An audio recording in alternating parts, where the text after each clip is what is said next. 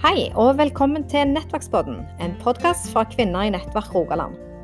Her får du høre undervisning, gode samtaler om aktuelle tema og interessante historier fra spennende mennesker.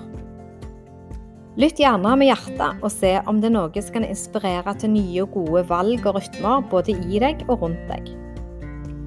Er det noe du lurer på, så ta gjerne kontakt med oss på Facebook-sida vår. Mitt navn er Marianne Saltun Dag, og med meg er Elisabeth Kindervåg Husvegg.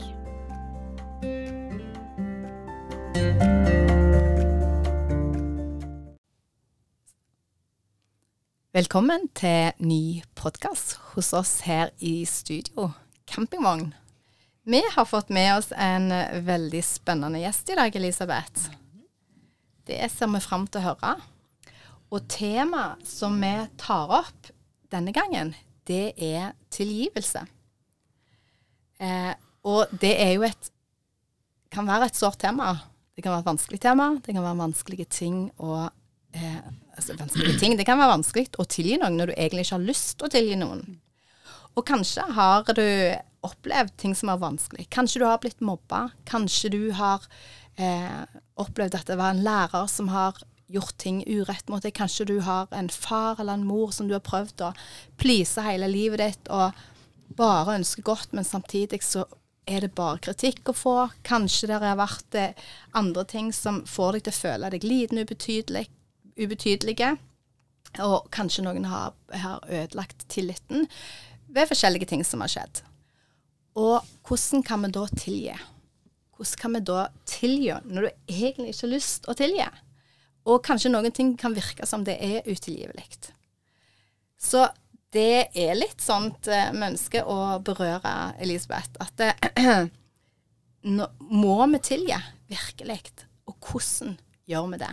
Og han vi har med oss i dag, han har vært gjennom det.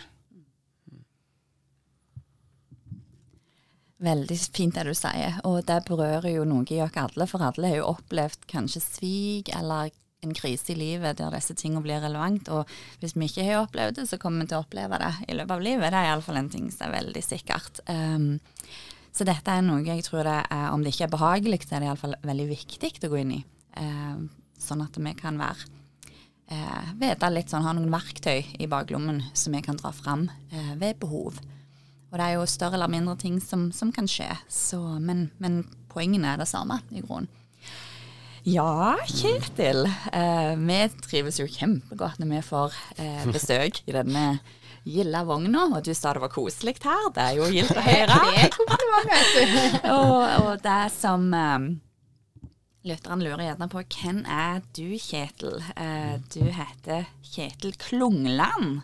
Og bare vi sier det etternavnet, så kan jo ting kanskje demre litt for, for noen av oss. Vil du bare presentere deg sjøl? Ja, enkelt og greit. Jeg er Kjetil Klungland. Jeg er 40 år gammel. Kommer fra her i Rogaland og ja, har bodd litt i Oslo og rundt andre plasser, men er nå tilbake igjen og bor her i Rogaland og trives veldig godt med det. Mm. Jeg skjønner godt. Ja. Disse to bor på Hummersåk, og jeg forstander det sånn i dag at det er sånn verdens navle. Så da, da, lærte jeg noe nytt i dag. Jeg trodde jo det var Siro. du lærer så lenge du lever, Elisabeth. Mm, tydelig det. Eh, jeg tenker at jeg gjerne vil begynne med eh, litt sånn bakgrunn for det som vi skal snakke om i dag. Mm. Um, og da tenker jeg at vi har jo lyttere i alle aldre. Og spesielt kanskje for de som er yngre, så tenker jeg at det kan være greit med litt sånn bakgrunn mm. for det som du har opplevd i mm. livet ditt. Mm. Eh, og det eh, tenker jeg er en, en grei start, at vi legger litt føringer for det som vi skal snakke om. Mm. Så vi går inn i litt av historien. Eh, det som skjedde 5.4 i 2004. Eh, da ble det gjennomført et ran av en tellesentral i eh, Kongsgata i Stavanger tilhørende Norsk Kontantservice, eller NOKAS derav Nokas-ranet. Eh, ranerne de var utstyrte med skuddsikre vester, hjelmer, finlandshette, hansker og kjeledresser. De var bevæpna med AG3-gevær, MP4-maskinpistoler, automatgevær og andre pistoler. Samtidig som tellesentralen ble angrepet, så ble utkjørselen fra Stavanger politistasjon blokkert med en Volvo-lastebil som ble sett i brann. Ranerne de hadde plassert fluktbiler i Sørmark utenfor sentrum. Denne glassruta i tellesentralen den ble knust med hjelp av slegge, en rambukk og 113 skudd. Noen ranere tok seg inn i tellesentralen, mens andre ranere holdt vakt med domkirkeplassen. Det ble avfyrt en rekke skudd imot politiet og politiet sine biler. Politiførstebetjent Arne Sigve Klungland han nærma seg åstedet forsiktig i sin uniformerte kommandobil. Han skulle skaffe seg oversikt over situasjonen for å kunne styre mannskapene. Arne Sigve han ble skutt og drept i skuddvekslingen denne dagen, og drapsmannen hans heter Kjell Alrik Schumann.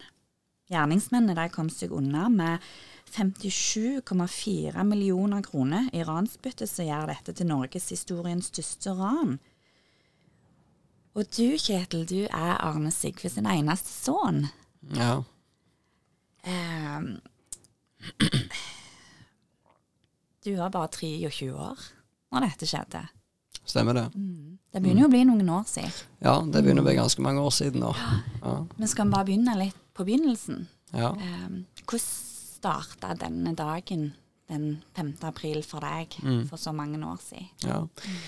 Den starta ganske rolig. Jeg var på jobb i ambulansetjenesten. Eh, jobbet jeg et år her ute på Bryne. Og eh, meg og makkeren min vi var på vei inn til sykehuset med en pasient som skulle inn på en kontroll. Det var et ganske sånn stille og rolig oppdrag. oppdrag. Ingenting dramatikk rundt dette. Eh, vi kjører inn til sykehuset og avleverer pasienten i akuttmottaket. Og så eh, eh, Men før, før vi avleverer pasienten, så får vi et oppkall fra AMK på vei inn. AMK det er akuttmedisinsk kommunikasjonssentral, altså der du kommer til når du ringer 113.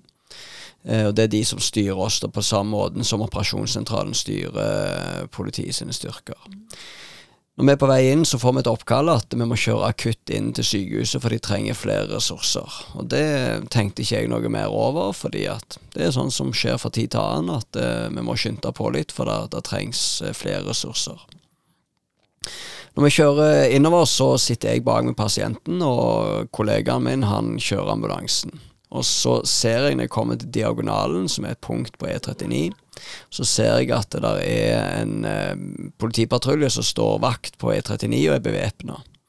Så jeg tenker at ok, det er et væpna oppdrag som er på gang, og at det er derfor de trenger flere ressurser. For det er sånn når politiet har eh, væpna oppdrag, så skal det alltid være eh, helse med på oppdraget i tilfelle noe skulle gå galt. da. Så jeg tenkte egentlig bare at ok, det er derfor de trenger flere ressurser, og tenkte ikke noe mer over dette. Når vi avlørt pasienten i akuttmottaket, så eh, kaller jeg opp eh, AMK på sambandet, men får ikke noe kontakt med de der. Så meg og makkeren min vi går opp i AMK, som ligger rett på siden av akuttmottaket. Eh, Når jeg åpner døra inn der, så, eh, så ser jeg at det er noe som skjer. Jeg ser at det der er flere bemanning enn det det pleier å være. Jeg eh, hører òg at det der er mange telefoner som ringer, så jeg skjønner at det der er ganske travelt. Jeg forventer jo på en måte å få et nytt oppdrag. Vi skal ut på en ny adresse, der er det sånn og sånn, og så reiser vi ut igjen. Men kollegaen min i AMK han eh, snur seg til meg og så ser at vi står i døra, og han fortsetter bare å jobbe videre. Så vi blir liksom stående litt i døra der, um, og eh, forventer jo hele veien på bare å få en ny adresse og et nytt oppdrag, da. Etter det har gått litt tid, så spør han kollegaen min i AMK om at uh, vi kan gå inn på et rom på sida av. Og jeg tenker det var litt uvanlig, men ok, vi gjorde som vi fikk beskjed om. Eh, Når jeg kommer inn i det rommet, så er det eh, vinduer utover mot sør, sånn at jeg kan se at det er et eller annet som brenner oppe med Ullandhaug.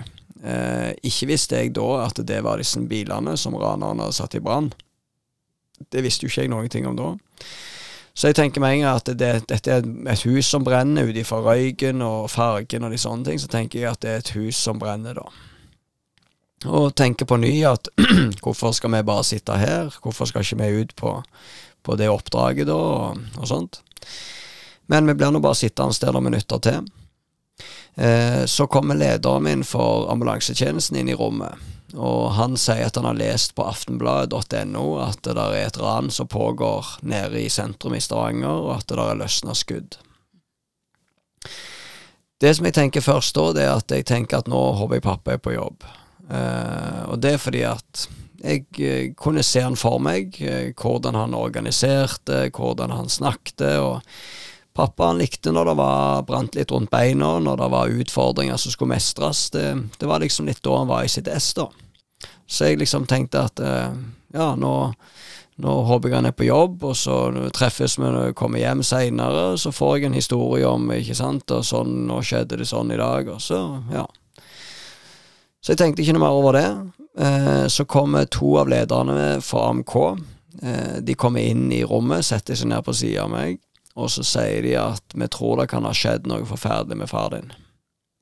Vi vet ikke helt hva det er, og vi vet ikke helt bekrefta at det er han, men du må forberede deg på at det kan ha skjedd noe med han. Så går de ut igjen, og så sitter de noen minutter, og så tenker jeg gjennom at ok, nå kan det ha skjedd, det som ikke skal skje, kan ha skjedd. Eh, så da kom litt av disse tankene opp i hodet mitt som jeg hadde gjort meg eh, noen år tidligere, da. Og det var at jeg hadde begynt å tenke litt på hva gjør jeg hvis det som ikke skal skje, skjer. Eh, etter at jeg begynte i ambulansetjenesten, så begynte jeg å tenke litt annerledes, og var veldig vant med å være ute på andre sine kriser. Og begynte etter hvert å tenke på hva hvis jeg skal stå i en krise? Hvordan vil det bli? Hva hvis jeg kommer ut til ei trafikkulykke, og så er det mine venner som er involvert? Hva om jeg kommer hjem på en hjertestans til en familie, og så er det far til en kamerat av meg som ligger død på gulvet? Altså, hva gjør jeg da? Eh, og et av scenarioene jeg hadde tenkt igjennom, det var hva hvis pappa blir skada på jobb eller drept, og jeg er første ambulanse på stedet, hva gjør jeg da? Eh, får jeg panikk? Eh, klarer jeg å gjøre det jeg skal gjøre? Eh, altså, fryser jeg? Eller jeg? Så jeg hadde begynt å gjøre meg noen tanker om, om, om forskjellige scenarioer, da. Så disse tankene på en måte kom til meg når jeg på en måte fikk beskjed om at det kan ha skjedd noe med han. Så kommer de inn på ny, setter seg ned på sida av meg, og så sier de at nå er det bekrefta at det er din far, og at han er skutt. Min første tanke da, det er at jeg tenker at ok, pappa er skutt, det er ambulanse på stedet. Jeg så for meg traumeteam i akuttmottaket gjøre seg klar. Jeg så for meg operasjonen, altså den regla som jeg var vant med. Så, så, jeg oppfatter ikke der og da at han er drept. Jeg tenker med en gang at han er skutt og skada. Eh, så jeg må spørre de to lederne mine om han er skutt og drept, eller han er skutt og skada. Eh, og så sier hun ene lederen min at han er skutt og drept. Mm. Og da tenker jeg på en måte på ny igjen disse tankene, at ok, han er skutt og drept, eh, hva gjør jeg da? Og da hadde jeg på en måte lagt meg en slags liten plan i hodet. Dette var ikke noe jeg hadde skrevet ned, men bare at jeg hadde liksom enda planlegginga. Hva gjør jeg hvis det som ikke skal skje, skjer, da? Så, så, de tankene på en måte kom tilbake igjen til meg da. Liksom, hva gjør jeg nå? Dette har jeg en plan for.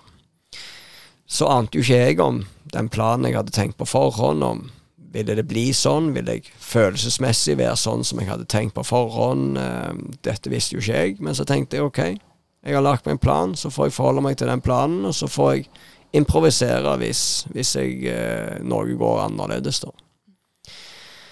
Eh, så jeg tenkte at jeg må ringe resten av familien og, og fortelle hva som har skjedd. Ringe til min mor, som eh, jobber i psykiatrien rett på siden av sykehuset. Fortelle til hun hva som har skjedd da, og si at jeg kommer ned og, og, og henter henne, da. Eh, der og da så ble jeg tatt ut av tjeneste. altså Nå står jeg ikke i fare for å bli sendt ut på nye oppdrag. Men jeg har jo uniformen på, fordi at mine sivile klær henger jo på, på Bryne, da, eh, en halvtime unna Stavanger. Eh, og det at jeg òg har uniformen på, det vil òg prege litt av eh, videre tankene mine den dagen, da.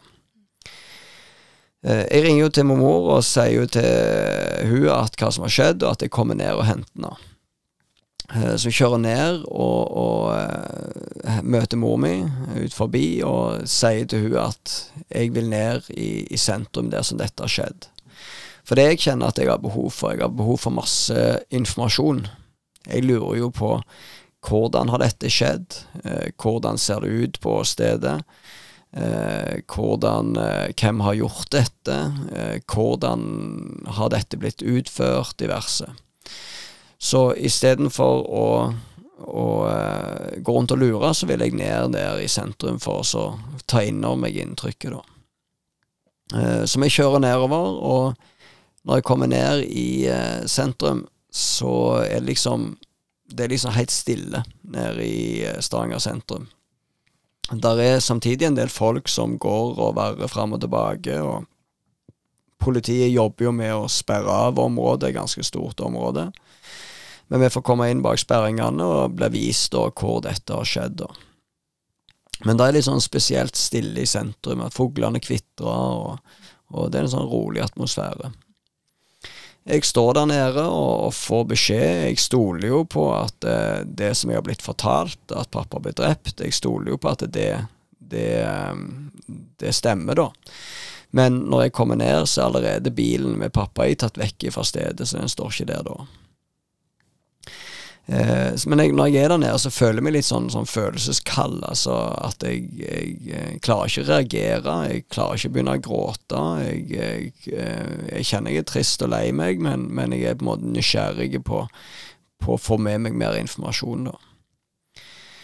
Eh, så får jeg beskjed om at eh, det skal være en orientering på politihuset, på piketten, som er oppholdsrommet til, de operative, og så kjenner jeg at det vil jeg ha med meg, for der er det informasjon som jeg kan få da. Når jeg kommer opp på politihuset, da, så er litt det første sterke møtet som møter meg, og det er kollegaen til pappa, som jeg òg kjente fra før og hatt med å gjøre gjennom jobb og litt privat som møter meg og holder rundt meg. Noen gråter, og, og, det var en litt sånn en kollegial følelse, da, hvor, hvor jeg bare følte meg veldig ivaretatt, da.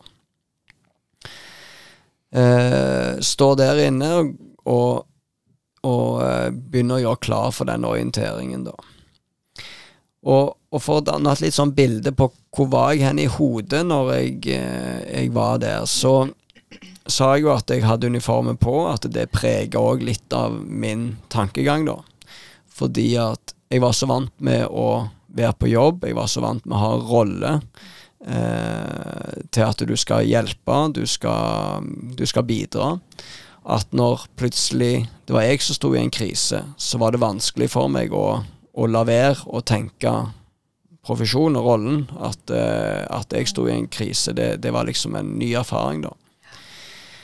Eh, og fra bildet på det, da, så når vi skulle gå i gang med den orienteringen, så kom der eh, en arrestforvarer opp fra arresten som eh, spurte er det noen fra helse her, for det er en som har hengt seg i arresten. Og, eh, og meg og makkeren min, vi, vi, springer jo nedover mot arresten, da, og hun snur seg til meg i, i, i, um, i trappa på vei ned til arresten, og liksom 'Kjetil, vil du virkelig dette?'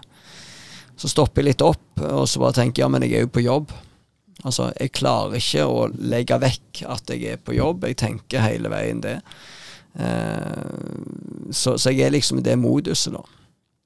Eh, vi kommer ned i resten og får klarert det ganske greit, og personen puster igjen, og det kommer andre helse til, da. Og vi går opp igjen og gjør klar til den der orienteringen, da. Når orienteringen begynner, og underveis, så kjenner jeg en magefølelse som, som, bare blir sterkere og sterkere. Og det at jeg må se pappa der han sitter i bilen, det er viktig for meg. Og jeg jobba jo i en ambulansetjeneste, jeg jobba òg i begravelsesbyrå. Og var vant med å, å, se døde mennesker, og det var ikke noe som jeg syntes var noe veldig skremmende. Eh, så det var litt sånn naturlig for meg. Så jeg hadde tenkt på forhånd at hvis jeg mister noen av mine kjære, så ønsker jeg også å se dem eh, før det har gått for lang tid.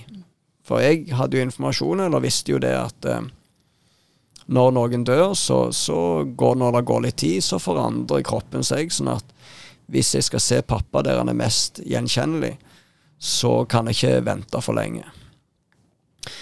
Så når orienteringen er ferdig, så gir jeg beskjed til noen ledere i politiet at jeg må få se pappa der han sitter i bilen.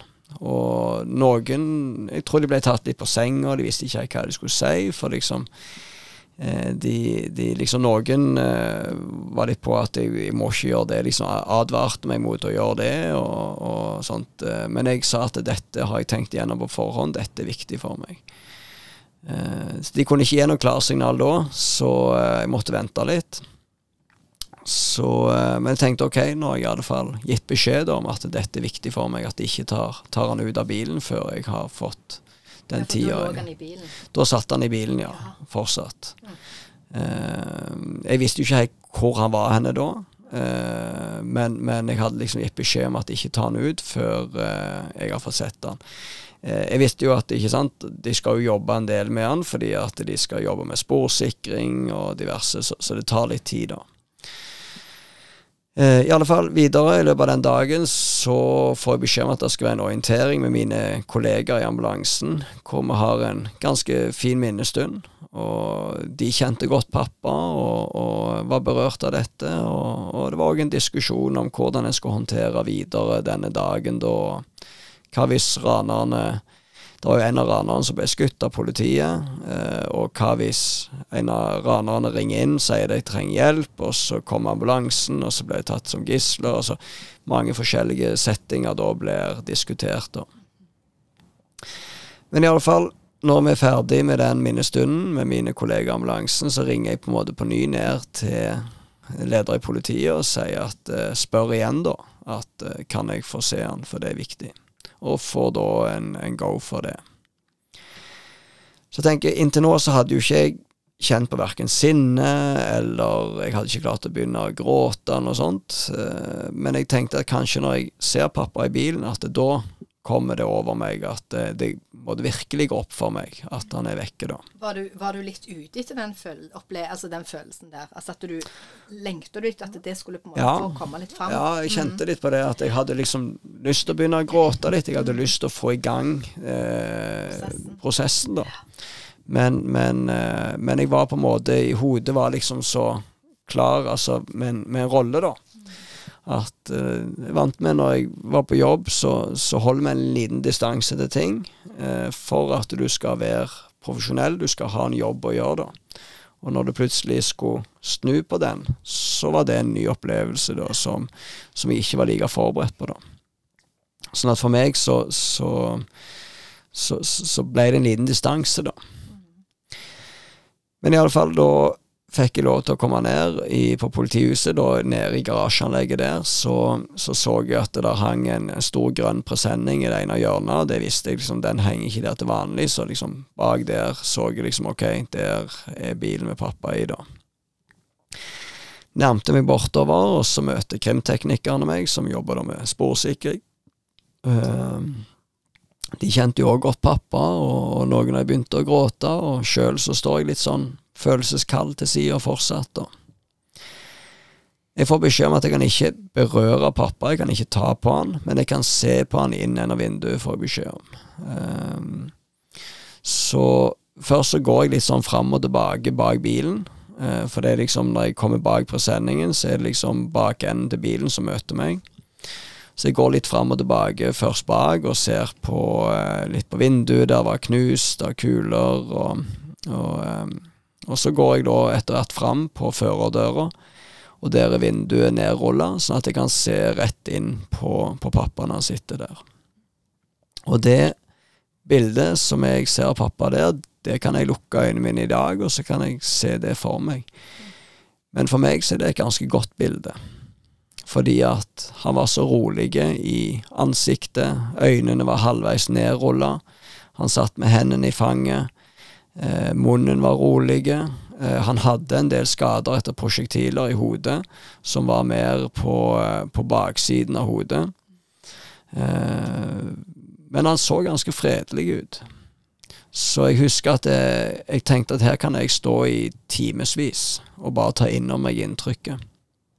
Eh, men jeg brukte den tida jeg hadde behov for der. Og, og, og fikk en ganske fin tid der, og gikk fram og tilbake, rundt og kikket på forskjellige vinkler. og og bare tok inn over meg inntrykket at det er faktisk min far som sitter der.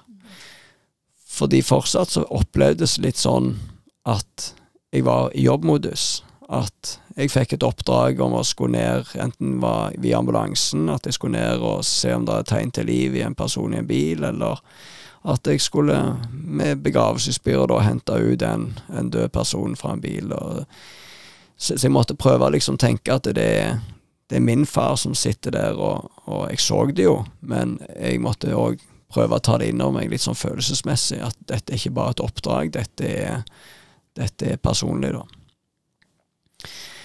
Eh, når jeg er ferdig der, så reiser jeg hjem, møter mor mi, eh, forteller til hun hva som jeg har sett da, og gjort, og anbefaler hun å gjøre det samme. Og, og hun òg reiser inn til politihuset og får sett den, og har en god opplevelse med det.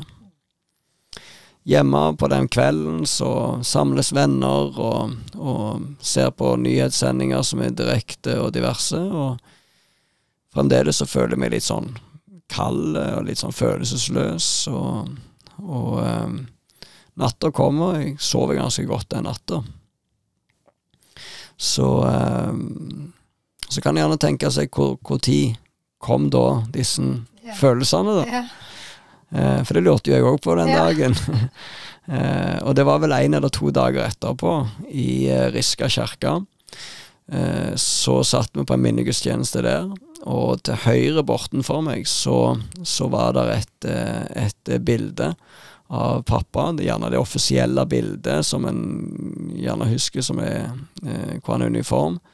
Som står da i en ram innramma på, på, benken der, eller på et lite bord.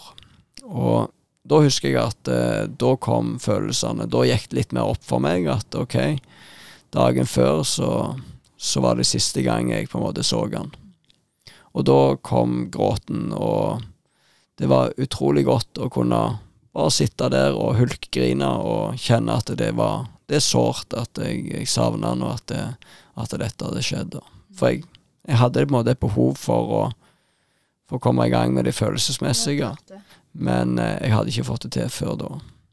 Snakke om eh, minnestunder. Mm. Eh, så, så, vet jeg jo at du, du talte jo i minnestunden til far din for en fullsatt kirke. Ja, det er i begravelsen. I begravelsen, ja. selvfølgelig. Mm. Og da altså over 800 mennesker, og det var mm. direktesendt TV og radio. Mm. Hvordan klarte du det? Det er jo helt ja. imponerende. Jeg hadde jo på forhånd òg tenkt hvis det som ikke skal skje, skjer, så hadde jeg tenkt på Hvis jeg mister noe av mine, mine nærmeste, så hadde jeg tenkt at det er unaturlig at jeg sier noe i begravelsen. Jeg var jo 23 år da når dette skjedde, jeg var ikke vant med å snakke i en forsamling. Så jeg tenkte, vil dette bli en for stor utfordring? Hva hvis jeg går opp på den talerstolen og skal tale i min fars begravelse, og så får jeg ikke ut et eneste ord? Så tenkte jeg, hva da? Jeg står der bare oppe og bare mumler eller et eller annet. Men så tenkte jeg, det ville folk ha forståelse for, tenkte jeg. Så når jeg satt eh, på første benk der nede, ba jeg bare en kort bønn. Kjære Gud, vær med meg i det jeg står i. Så gikk jeg opp, og så hadde jeg en tale. Så gikk jeg ned igjen, og så kjente jeg på en mestringsopplevelse. Og den mestringsopplevelsen der, den var noe, en av de nøklene som jeg opplever som en god livskvalitet. Eh, eller veien til en god livskvalitet. Fordi at jeg hadde en, fikk en utfordring, så forberedte jeg meg, og så valgte jeg å ta utfordringen. Og så kjente jeg på at det var jo ikke så galt likevel. Dette gikk jo mye bedre enn jeg hadde forventa. Jeg brøt ikke sammen, jeg fikk sagt det jeg skulle si. Så det var jo ikke så galt likevel, kjente jeg på. Og det ga meg på en måte en puff til å hoppe inn i nye utfordringer. Og sånn fortsatte jeg egentlig hele veien, med å bare Får jeg en utfordring, så forberedte jeg meg, og så tok jeg utfordringen. Eh, og så kjente jeg på at det gikk jo ganske greit. Mm. Altså Nå har du jo delt litt om prosessen, Kjetil, av det som skjedde eh, i etterkant av, av drapet. Eh, men så har jo du òg en historie her som er eh, veldig spesiell, som andre òg har fanga opp. Eh, og for når sånne ting, den type urett, blir begått mot den, så kan jo det være en utfordring hvis man har en tro. Så kan folk, veldig mange kan havne i en situasjon der han sier hvis du, Gud, fins, så hadde aldri dette skjedd med meg. Eller hvis, at den, eh, hvis du elsker meg, Gud, dette her er så urettferdig, hvorfor skjedde dette her? Så kan man på en måte velge en vei, da, eh, der en blir bitter, en blir sint, en bærer på mye inni seg som en på en måte ikke får svar på, og velger å holde fast på det. Når du eh, fant ut av hvem som hadde drept din far, hva skjedde da? Det var ikke sånn at eh, det skjedde akkurat noe akkurat da, og det var jo ikke sånn at vi fant ut av hvem som drepte min far da, sånn eh, et spesielt lite tidsvindu her. Eh, det var jo en del indisier på at det var Schumann. Eh, så, sånn at det, det, det var jo en prosess. Men det som er nok kanskje litt merkelig, som jeg hadde òg problemer med å forstå sjøl, det var jo at jeg ikke var sint på dette. Og at det er At en får et sinne når eh, noe urettferdig skjer mot en sjøl, eller noen en er glad i, eller noe sånt. Det er helt naturlig og legitimt og greit. Og det kan jeg òg kjenne i andre settinger i livet. At jeg kjenner på at, eh, at jeg blir sint, og jeg kan liksom ønske å ta hevn og liksom ta tak i personen filleriste dem. og- sant? Men jeg gjorde ikke det i denne settingen. Og, og til å begynne med så tenkte jeg at det liksom Det er så mye som skjer. Der er, der er minnestunder, der er en jakt etter ranerne. Etter hvert så ble det rettssak, og det er så mye som skjer at, at kanskje når ting roer seg litt, så begynner det sinnet å komme. Til å begynne med så tenkte jeg liksom på hvorfor er ikke jeg sint, når jeg så at det var så mange andre i samfunnet som var sinte. Og vi, både meg og familien som sto nærmest, vi kjente ikke på det sinnet. Så begynte jeg å tenke på hvorfor, hvorfor ikke. Tenkte jeg liksom, jeg, Var ikke jeg glad nok i pappa for jeg ikke var sint? Eller liksom Jeg, jeg klarte ikke helt å finne en, en logisk forklaring på dette. Etter hvert som tida gikk, da, så begynte jeg å se eh, friheten jeg fikk med å slippe å gå rundt og være sint. Og, og, eh, og, og begynte å reflektere litt rundt hvorfor. Eh, og den eneste logiske forklaringen jeg kan komme med, er at jeg tror Gud har gitt både meg og familien en egenskap til å se utover det meningsløse. Eh, for jeg klarer ikke å finne noen annen, annen forklaring på det. Eh, for det er helt legitimt å kjenne på det sinnet. Eh, men jeg kjente ikke på det. Og så begynner jeg å se friheten som jeg får ut av dette, med å slippe å gå rundt og ønske etter hevn, eh, og la sinnet gå, gå, gå over til hat. For hva ville det gjort med livet mitt hvis jeg hadde gått rundt med et ønske etter hevn og et hat? Ville jeg fått et bedre liv enn det jeg har i dag? Det tviler jeg på. Men så tenker jeg òg at mm, Altså flere ting. Det ene er at jeg har veldig stor respekt for de som går rundt med det sinnet, og går rundt med et ønske etter hevn, og har vanskelig for å tilgi. Fordi jeg opplevde at for meg så har det vært så veldig enkelt, for jeg var aldri sint. Eh, så jeg har på en måte stor respekt for de som går rundt med det, og jeg tror ikke det er bare en sånn enkelt svar at en kan bare alltid velge. Men jeg tror òg det handler litt om hva fokus Hva velger du å fokusere på? Velger du å fokusere på eh, hevn eh, og hat, eller velger du å fokusere på tilgivelse? Men det med tilgivelse òg Jeg er ikke noe orakel på tilgivelse, men, men, eh, men jeg, jeg, jeg måtte definere litt for meg sjøl hva tilgivelse var.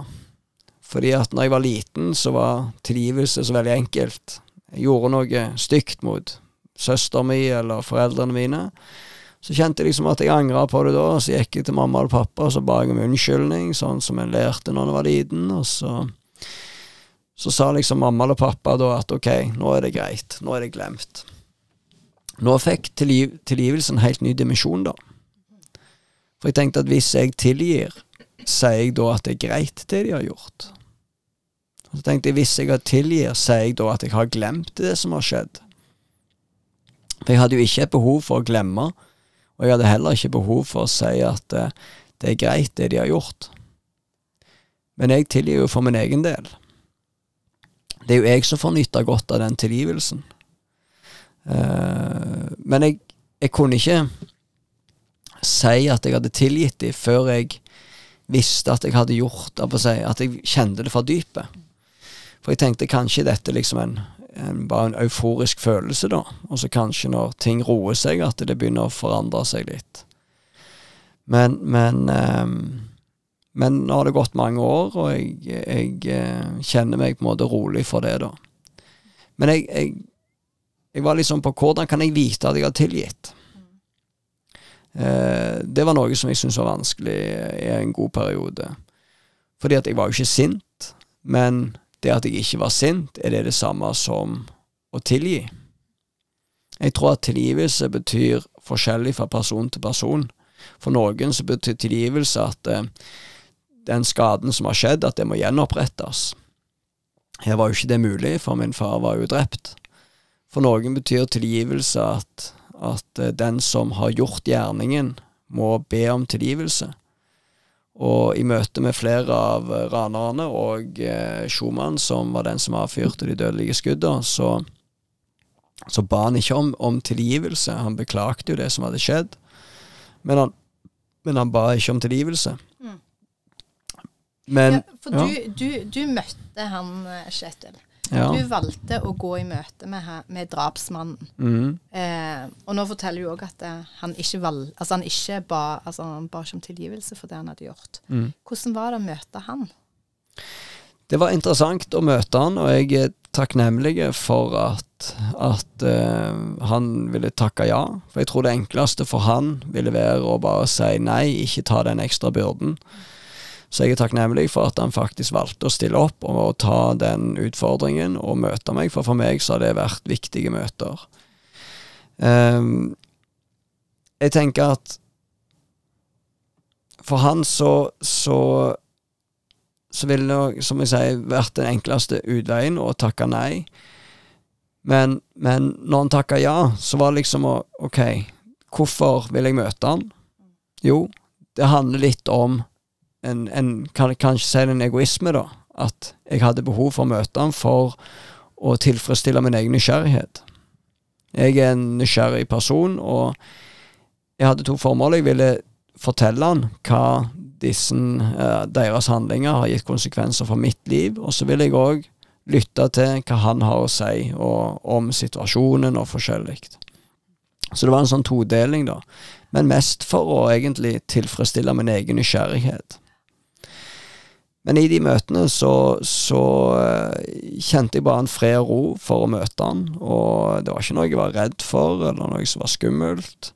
Eh, og rammene rundt det hadde jeg satt til at det var kun meg og den Schumann jeg skulle møte, da. Så meg og den raneren jeg, jeg uh, møtte, ønska jeg å møte alene, da. At det ikke skulle være noen andre til stede, for, som da kunne, kunne gjøre at samtalen ble annerledes, da.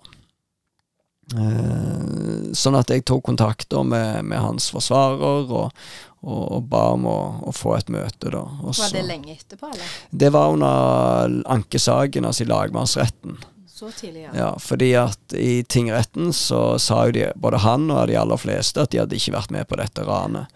Men når de da begynte en etter en å erkjenne straffskyld i lagmannsretten, så var det litt enklere å på en måte få dette til, da, for da har de jo erkjent og vært med. Hvis ikke så kunne de ha bare sagt at 'hvorfor skal du møte meg', for jeg har jo ikke vært med på dette. Mm.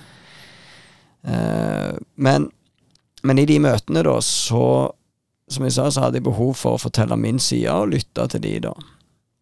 Og jeg hadde nok ikke forventa at eh, Schumann skulle be om tilgivelse, for jeg tror at Kanskje så har de ikke det forholdet som kanskje mange, eller noen andre oss andre har til tilgivelse, og reflektert rundt det. Og så tror jeg òg at kanskje ikke eh, han ønska å be meg om noe. Han har tross alt eh, gjort en ugjerning mot, mot meg og, og, familien og mot mange, og da å komme og be om noe, det tenkte jeg at jeg, jeg forventa ikke det. Men litt tilbake igjen til hvordan jeg kunne vite at jeg hadde tilgitt. Så tenker jeg at når jeg kunne møte Schumann, jeg kunne ta han i hånda, hilse på han, si takk for at du vil møte meg, og vi kunne sitte der i et par timer, og nesten to timer, og prate sammen. Og så kjente jeg ikke at jeg var sint, jeg kjente ikke at jeg ønska noe hevn. Eh, så tenker jeg at det må være en del av en tilgivelse.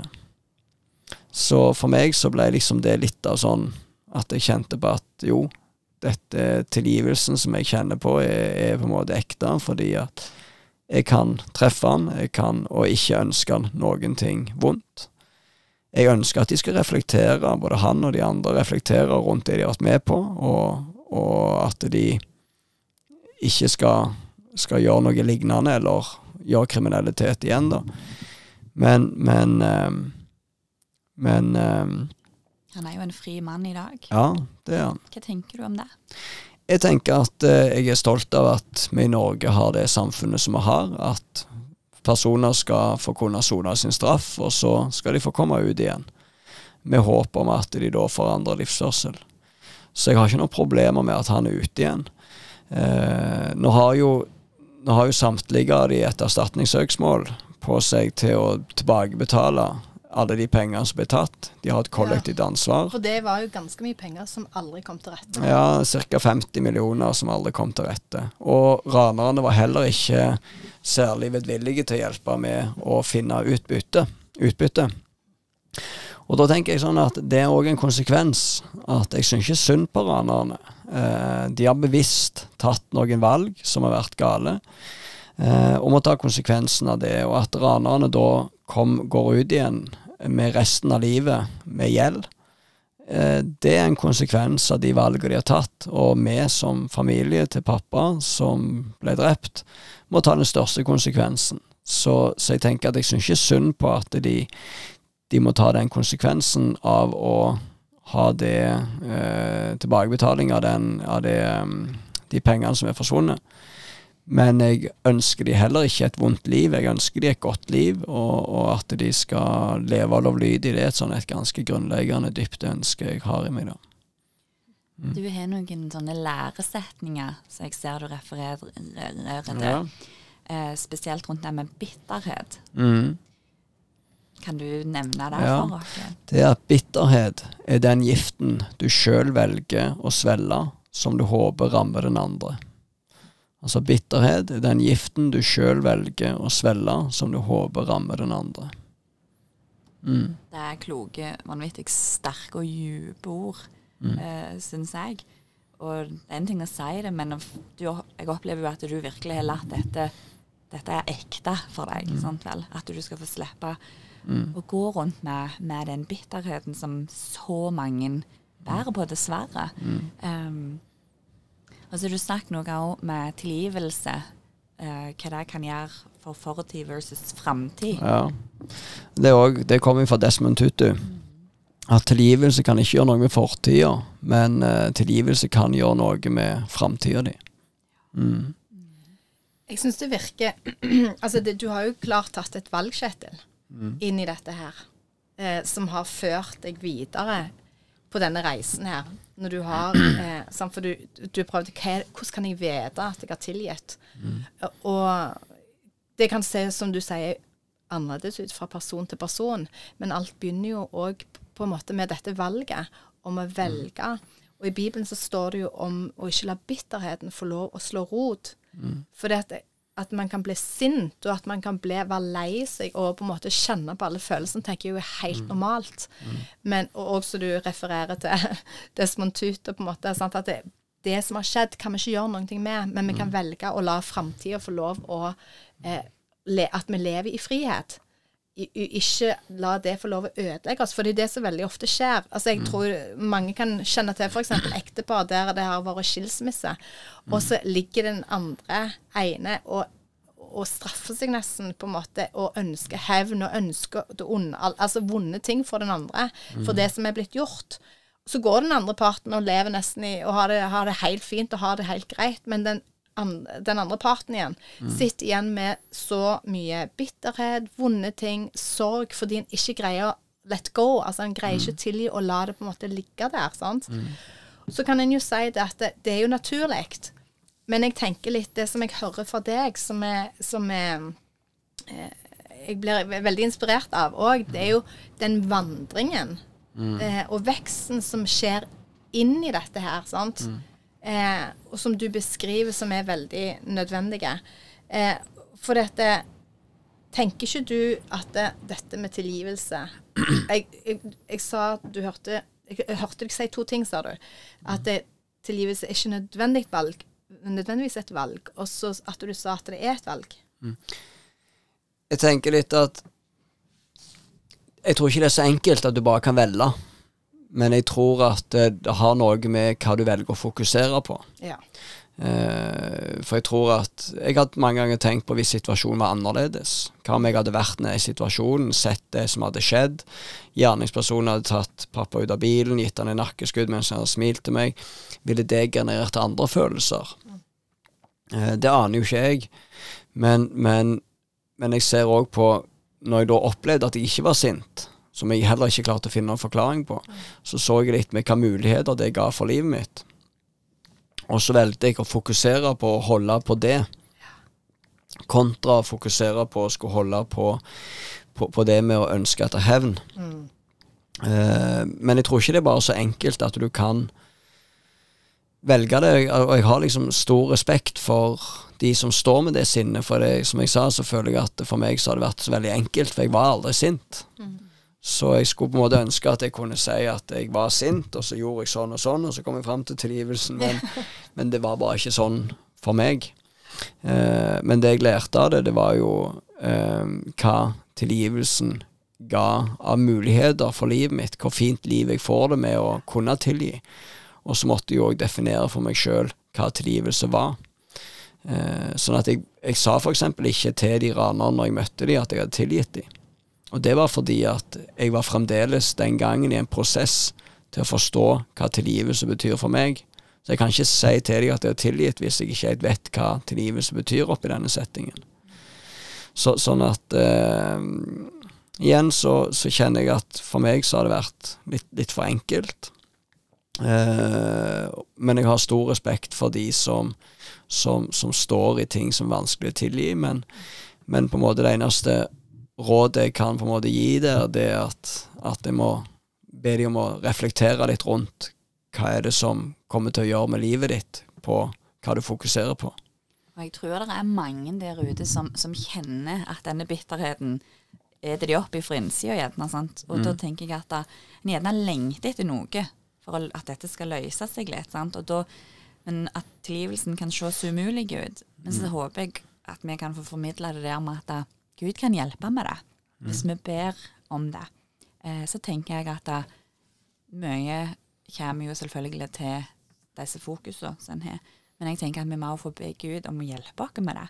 For at ting kan snu da, sakte, men sikkert òg. At en kan få den der nåden til å kunne tilgi, rett og slett. Um, ja. Jeg eh, tenker at uh, dette med å miste en far Jeg mistet jo min far da jeg var 20. Eh, det er jo noe som preger oss sant, for hele livet. Det, det henger jo med. Det er jo en del av å miste noen nær oss i, i relasjonen. Tenker du mye på far din i dag? Ja, tidvis så, så gjør jeg det. Ting jeg eh, skulle hatt han med på, og ting jeg skulle hatt hjelp av han til, og litt sånt. Men så tenker jeg, eh, ikke hver dag, men, men det popper opp inn i ny og ne. Men det er ikke noe som plager meg. Eh, det er det ikke. Men, men, eh, men jeg tror nok at liksom, det vil komme en del punkter i livet hvor liksom du kjenner at, eh, at nå skulle jeg hatt han her, og det hadde vært fint og, flott. og men, men jeg tenker det Jeg tenker ikke på at jeg har At dette er så dramatisk. For meg så, så er ikke det fokuset. Jeg tenker at jeg har mista en far som andre òg har mista sine fedre. Så, så jeg, jeg tenker ikke at det er så mye annerledes enn enn det. Eh, selv om at saken er spesiell, så, så, så, eh, så tror jeg savnet for meg er ikke noe større for det om det var en dramatisk hendelse. Men jeg har mista en far, som andre òg har mista sine fedre og foreldre. Virker som du har en veldig sånn eh, sunn og god refleksjon rundt alt det som har skjedd. At du generelt sett har vært reflektert i forhold til dine valg, eh, Kjetil. Eh, helt sånn nå i, i, slutten så har jeg lyst til å Jeg først vil lese et, et kjent vers, vers, holdt jeg på å si sikkert, mm. eller avsnitt for, for mange, eh, som Jesus sa i i evangeliene, så sier han det. Elsk deres fiender, gjør godt mot de som hater dere. Velsign de som forbanner dere, og be for de som ondsinna utnytter dere. Til den som slår deg på det ene skinnet, skal du by fram det andre òg. Den som tar kappen din, skal du heller ikke nekte skjorten. Sånn vil dere at menneskene skal gjøre mot dere, skal dere òg gjøre mot de. Men hvis dere elsker de som elsker dere, hva er det da å takke dere for? Sjøl syndere elsker de som elsker dem. Hvis dere gjør godt mot den som gjør godt mot dere, hva, ja, når selv syndere gjør det samme. Elsk fiender, gjør godt og lån bort uten å vente dere skal få noe tilbake. Deres lønn skal bli stor, og dere skal være den høyestes barn. For han er god mot de utakknemlige og onde. Hvis dere låner bort til dem som håper å få tilbake fra, hva er det å takke dere for? Selv syndere låner til syndere for å få like mye tilbake. Vær derfor barmhjertige, slik deres far også er barmhjertig. Døm ikke, så skal dere slett ikke bli dømt. Fordøm ikke, så skal dere ikke bli fordømt. Tilgi, så skal dere bli tilgitt. Og dette her er jo radikale ord fra mesteren. og jeg tenker, det er jo ikke alle som, som, eh, som eh, kjenner Jesus. Eh, men for de som kjenner Jesus, vil de jo gjenkjenne dette her. Og det er klart at det, når du leser og mediterer og tenker på alt dette her, så er, det jo sånn Wow, dette her er virkelig en livsstil.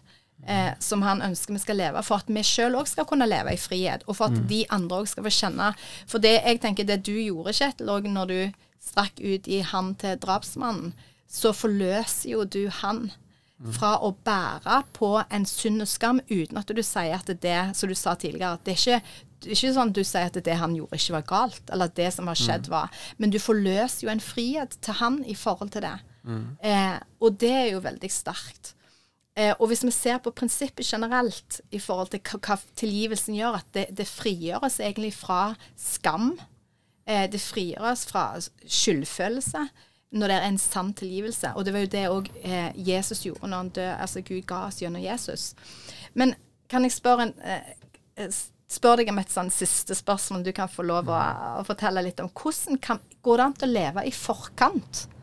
Eh, på dette her? Går det an å leve på en sånn måte at vi kan forberedes på å leve på denne måten her, med å velge tilgivelse istedenfor bitterheten? Ikke noe lett spørsmål å svare på, men jeg tenker at igjen at det har noe med fokus, det har noe med å reflektere. Jeg tenker at det er de færreste som går gjennom livet uten å oppleve større eller mindre kriser. Og det med å ha Iallfall opplevde jeg, at når jeg hadde tenkt igjennom på hvordan skal jeg håndtere det som ikke skal skje, hvis det skjer, så opplevde jeg at jeg var mer rusta til å håndtere det når det da skjedde. Men i forhold til de refleksjonene som, som du henviser til, så tenker jeg at at folk kanskje eh, bør tenke igjennom og reflektere. Hvordan vil det bli hvis jeg mister noen av mine? Hvis, hvordan vil det bli hvis jeg blir ufrivillig skilt, og, og blir utfordra på dette med, med ønsket etter hevn og, og, dette med tilgivelse. Og så er det jo ikke sånn at nødvendigvis at det alltid sånn det blir sånn som en tenkte. Eh, og det er ikke det jeg heller tenker vi, vi skal mene at det, det, er det som skal være svaret. Men hva er det du velger å holde fokus på? Og hvorfor skal du holde det fokuset? Hvorfor skal du holde fokuset på tilgivelse kontra hevn, når det er egentlig hevn som du mest har lyst til? Ja. Og hva vil det gjøre med ens eget liv? Og det er det på en måte jeg ønsker måte, at folk skal, skal på en måte reflektere. Hva vil ønsket etter hevn gjøre med sitt eget liv? Og så er jeg ydmyke for, for, veldig ydmyke for de som faktisk står oppe i en problemstilling som de syns er vanskelig å tilgi. Hvordan forbereder man oss seg? Nei, det er litt av det som jeg sa, at du må tenke igjennom, da. Eh, på hva vil dette gjøre med mitt liv hvis jeg opplever en hendelse, og jeg velger å fokusere på at jeg skal ta hevn. hva vil det gjøre med livet? Kontra hvis jeg fokuserer på at jeg eh, ønsker å tilgi. Vi har jo tenkt å snakke enda mer om tilgivelse, meg og Marianne. Og da vil vi iallfall gå inn i hva Guds ord lærer oss om disse tingene. Eh, for det er så utrolig mye å hente der. Og, og der føler jeg liksom uansett hva tema vi snakker om, så ser jeg ting på ny og på ny, og det er så mye. Eh, og, og vi må liksom våge å, å dykke dypere i ting. Og i dag blir det nettopp det, med tilgivelse. Eh, for det at ja, Jesus har jo vært, sånn som du sier, en radikale. Altså til og med på korset. Så han kan dere sa 'tilgi de, far', for de vet ikke hva de gjør. Altså, da, da bare tenker jeg wow. Så vi, vi har mye å lære der. Um, men å høre noen faktisk har tilgitt på det nivået som du har, det setter jo tankene i sving hos meg og hos mange. Så, så du utfordrer, tror jeg. Mm. Jo, jeg, jeg, takker for det, men, men, uh, men jeg kjenner jo òg på at for meg så har det liksom vært så enkelt. Jeg skjønner ikke sjøl hvorfor. Uh, jeg har mange ganger tenkt på hvis jeg ikke hadde syntes det var så enkelt, ville jeg da ha tilgitt? Hvis jeg hadde kjent på det som er det mest naturlige, med sinne og ønske etter hevn, ville jeg da ha tilgitt? Takk Jesus for at du har ja. blitt spart for ja, det sinnet. Det, det, er på en måte den eneste min logiske forklaring, at ja. Gud har vært der for oss. Mm. ja. for jeg klarer ikke å finne noen annen forklaring. Og det er da jeg tenker at når vi er svake, da kommer man til vår unnsetning på utrolig vis, på en måte. Og, mm. og, og for deres del så, så, vil jeg virkelig si at for meg så virker det som dere har spart, blitt spart for veldig mye i den mm. delen med å slippe det sinnet. Mm. Det er jo den menneskelige, naturlige reaksjonen. Det er absolutt det. Ja.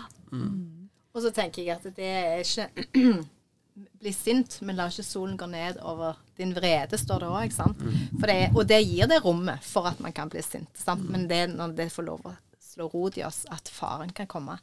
Eh, og, og, jeg tror òg, sånn som du sier, at eh, det er ikke alt liksom, dette, Vi har litt behov for å være litt sånn, få ting til å sette ting i sammenheng og forstå alt, på en måte, og så kunne forklare det.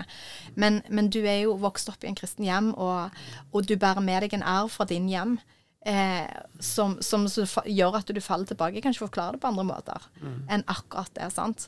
Og, og, det er jo fantastisk, det som du har fått lov til å bære med deg, det vitnesbyrdet du bærer med deg, Kjetil, i livet ditt, mm. eh, for andre å høre det.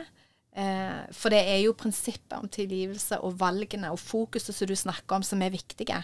For hvis en ligger og grunne på uretten som er blitt gjort mot henne. Apropos Mandela. Altså, kan, du kan sitte i et fengsel hvis du da sitter og grunner år etter år etter år etter år på uretten, alt urettferdige som er skjedd, da er det klart, da gjør det noe med deg. Men hvis du velger fokus på andre ting, på, på forsoningen, på gjenopprettelsen, på, på dette, så gjør, skaper det noe nytt i hjertet. Så jeg tror jo at det, eh, det som du forteller oss om fokuset, er en, en nøkkel, altså. Tusen takk, Kjetil, for at du tok turen ut til Forblåst Jæren. for her Nå har vi jo som sagt fått folk fikse oss noen fancy mikrofoner og lyssystem, så da fanger han ikke like godt opp alle skytene og vinden som blåser på utsida. Men jeg skal si det sånn, det rister i vogna. Eh, for, det, for, det, blåser. Jeg lærte vi, er på Fjogstad. Jeg lærte dette fra Elisabeth, at fjog betyr vind. Fyga. Fyge. Ja. Så med rette eh, fyker vi her ute. Jeg tror jeg skal lage en sånn jærske ordbok. Ja, ja, det trengs. Mm. Nei, tusen takk, Kjetil. Kjempekjekt og inspirerende å ha deg her. Takk for det. Så snakkes vi. Ja.